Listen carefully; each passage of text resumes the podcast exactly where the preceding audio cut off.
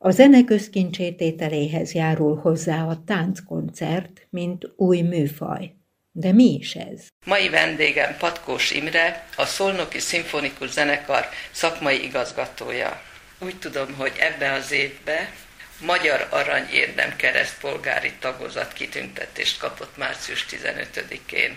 A zeneművészet iránt elkötelezett több évtizedes, magas színvonalú munkájáért kapta.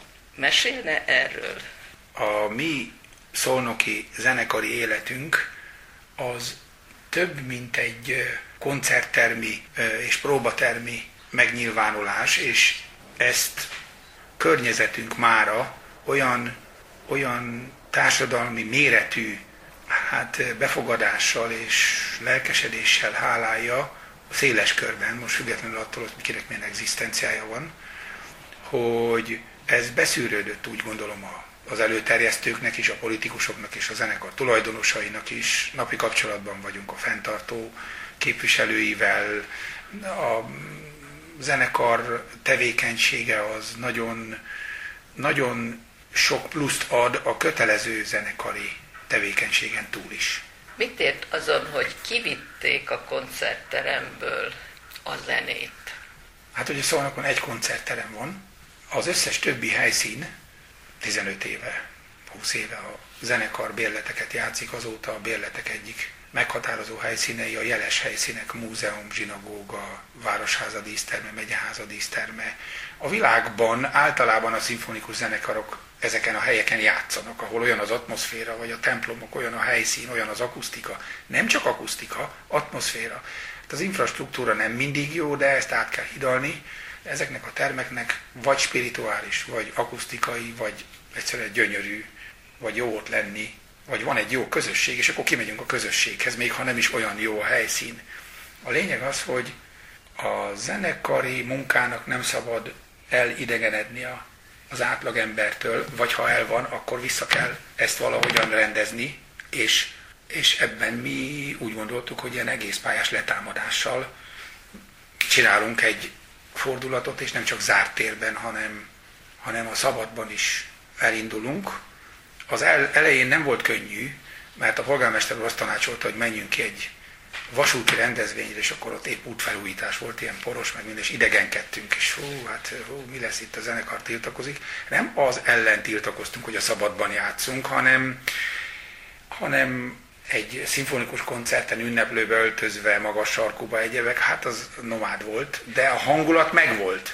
A közönség lelkesedett, és akkor, akkor elindítottunk egy szabadtéri kampányt, és ez már úgy nőtte ki magát, hogy, hogy 12 év óta már rendszeres nyári fesztiválunk van, koncertenként 3-5 ezer nézővel, és, és ezt a fesztivált most már kivisszük a, azokba, azokba a régiókba, településekre, ahol aztán végképp nincs hagyománya a kultúra, hát a kultúrának erre a szegmensére gondolva, egyszerűen nincs mód arra, hogy itt gyökereket találjunk, azonban ilyen-olyan apropóból lehetett találni olyan embert, polgármester, papot, iskolaigazgatót, vállalkozót, akinek van annyi szimata, vagy kapcsolata, hogy minket lecsekkolva bizalmukba fogadtak minket, és a kölcsönösség alapján akár helyi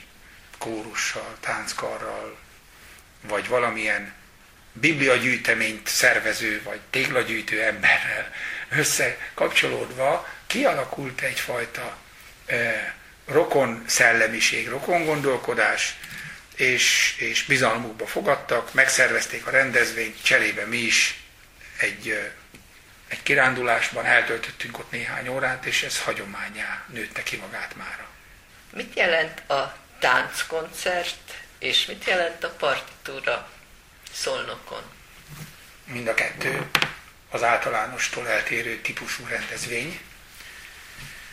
A tánckoncert az, hát a Izaki Masairo, ami főzeneigazgatónk szüleménye, ő nevezte így el végül is ezt a műfajt. 2012 óta minden januárban tartunk a sportcsarnokban egy újévi koncertet.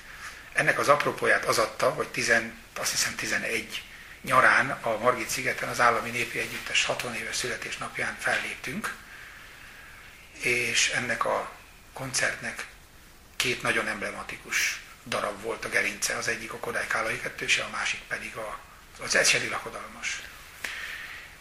Ezt Szolnokon is megismételtük, annyi különbséggel, hogy itt nem egy 50-100 tagú kórus volt, hanem egy 200 tagú kórus. A megye és a régió, sőt, még, ha jól emlékszem, Vácról és Székesfehérvárról is jött kórus.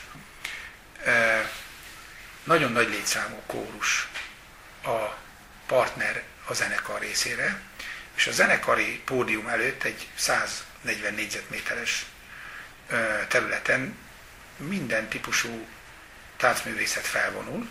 Ezen a koncerten az Állami Népi Együttes adta a, gerincét a táncoknak. Később ugyanezen a logikán vezetői koncepcióra volt bolero tánckoncert, volt tűzmadár tánckoncert, volt naphimnusz, tehát sok olyan tematika, ami valamilyen szakrális, vagy, vagy valamilyen emblematikus művészeti alkotással a középpontjában képes olyan atmoszférát teremteni, hogy az a 2000 ember, aki ott van, az ilyen katartikus élménnyel gazdagodva tér haza. Hát ez a tánckoncert, ez, ez, ez az, ami Szolnokon elég közismert tánckoncertként. Partitúra? Kimegyünk a Tiszapartra, és túra van. Hát, hát a partitúra az, az, az csak a címe ennek a rendezvénynek, azonban ahogyan a bérletünkben van egy olyan sorozat, ahol a jeles helyszínek, jeles épületek, itt a jeles helyszínek a városi jeles terei, közterei, tehát nem rendezvényhelyszínek, közterek.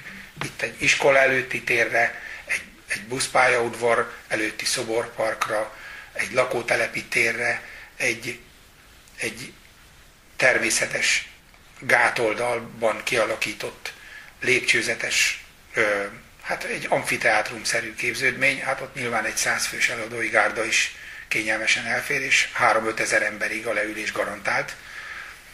Megfelelő atmoszféra nyilván egy olyan előadással érhető el, ahol, ahol tényleg a fellépő gárda az, az, az képes olyan katartikus hangulatot felépíteni, művészileg ez meg van komponálva nyilván, tehát azért a, mi főzeneigazgatónk elég gazdag repertoárral rendelkezik. Legutoljára, ha jól emlékszem, a, tű, a tűztánc e, volt a címe. Itt a zenekari és a közönség tömbje között egy hatalmas tábortüzet raktunk, szó szerint 100 négyzetméteres homokfelületen körbe táncolták ezt különböző táncegyüttesek, erőemelők voltak a, az egyik leg, legnagyobb hatást kiváltó produkció részesei, ők hajókon világszám, tényleg világszám, óriási csönd volt, ropogott a tűz, és egy 90 kilós embert egy hölgyemény így félkézzel felemelt a feje fölé, ezüstre festve a teste, bámulatos az, amit kirobbanó tapsal. És tényleg este 10 órakor a folyóparton ott van 3-5 ezer ember, ez mindent visz. És utána azok a elismerő szavak, amit kapunk, akár a föllépők, akár a közönség, az mindig ad egy újabb inspirációt. A közösségi élmény, ők nyilván ugyanúgy, mint mi is egymásra vagyunk utalva, akár házon belül, akár a közönség és az együttes között, és igazándiból nem is kell túl nagy reklám, mert megvan a bizalom, és már várják a következőt. Tehát van egyfajta ráhangolódási rutin. Akár családon belül, akár zenekaron belül, akár a település vagy a környezet tekintetében is. Idézhetnénk Kodály szavait, mert nagyon ideillik. Ez szerint cselekszik Patkós Imre, a Szolnoki Szimfonikus Zenekar művészeti igazgatója, hogy a zene mindenkié, és ezt tartja szem előtt. A felvételt Ámen Zsóka készítette.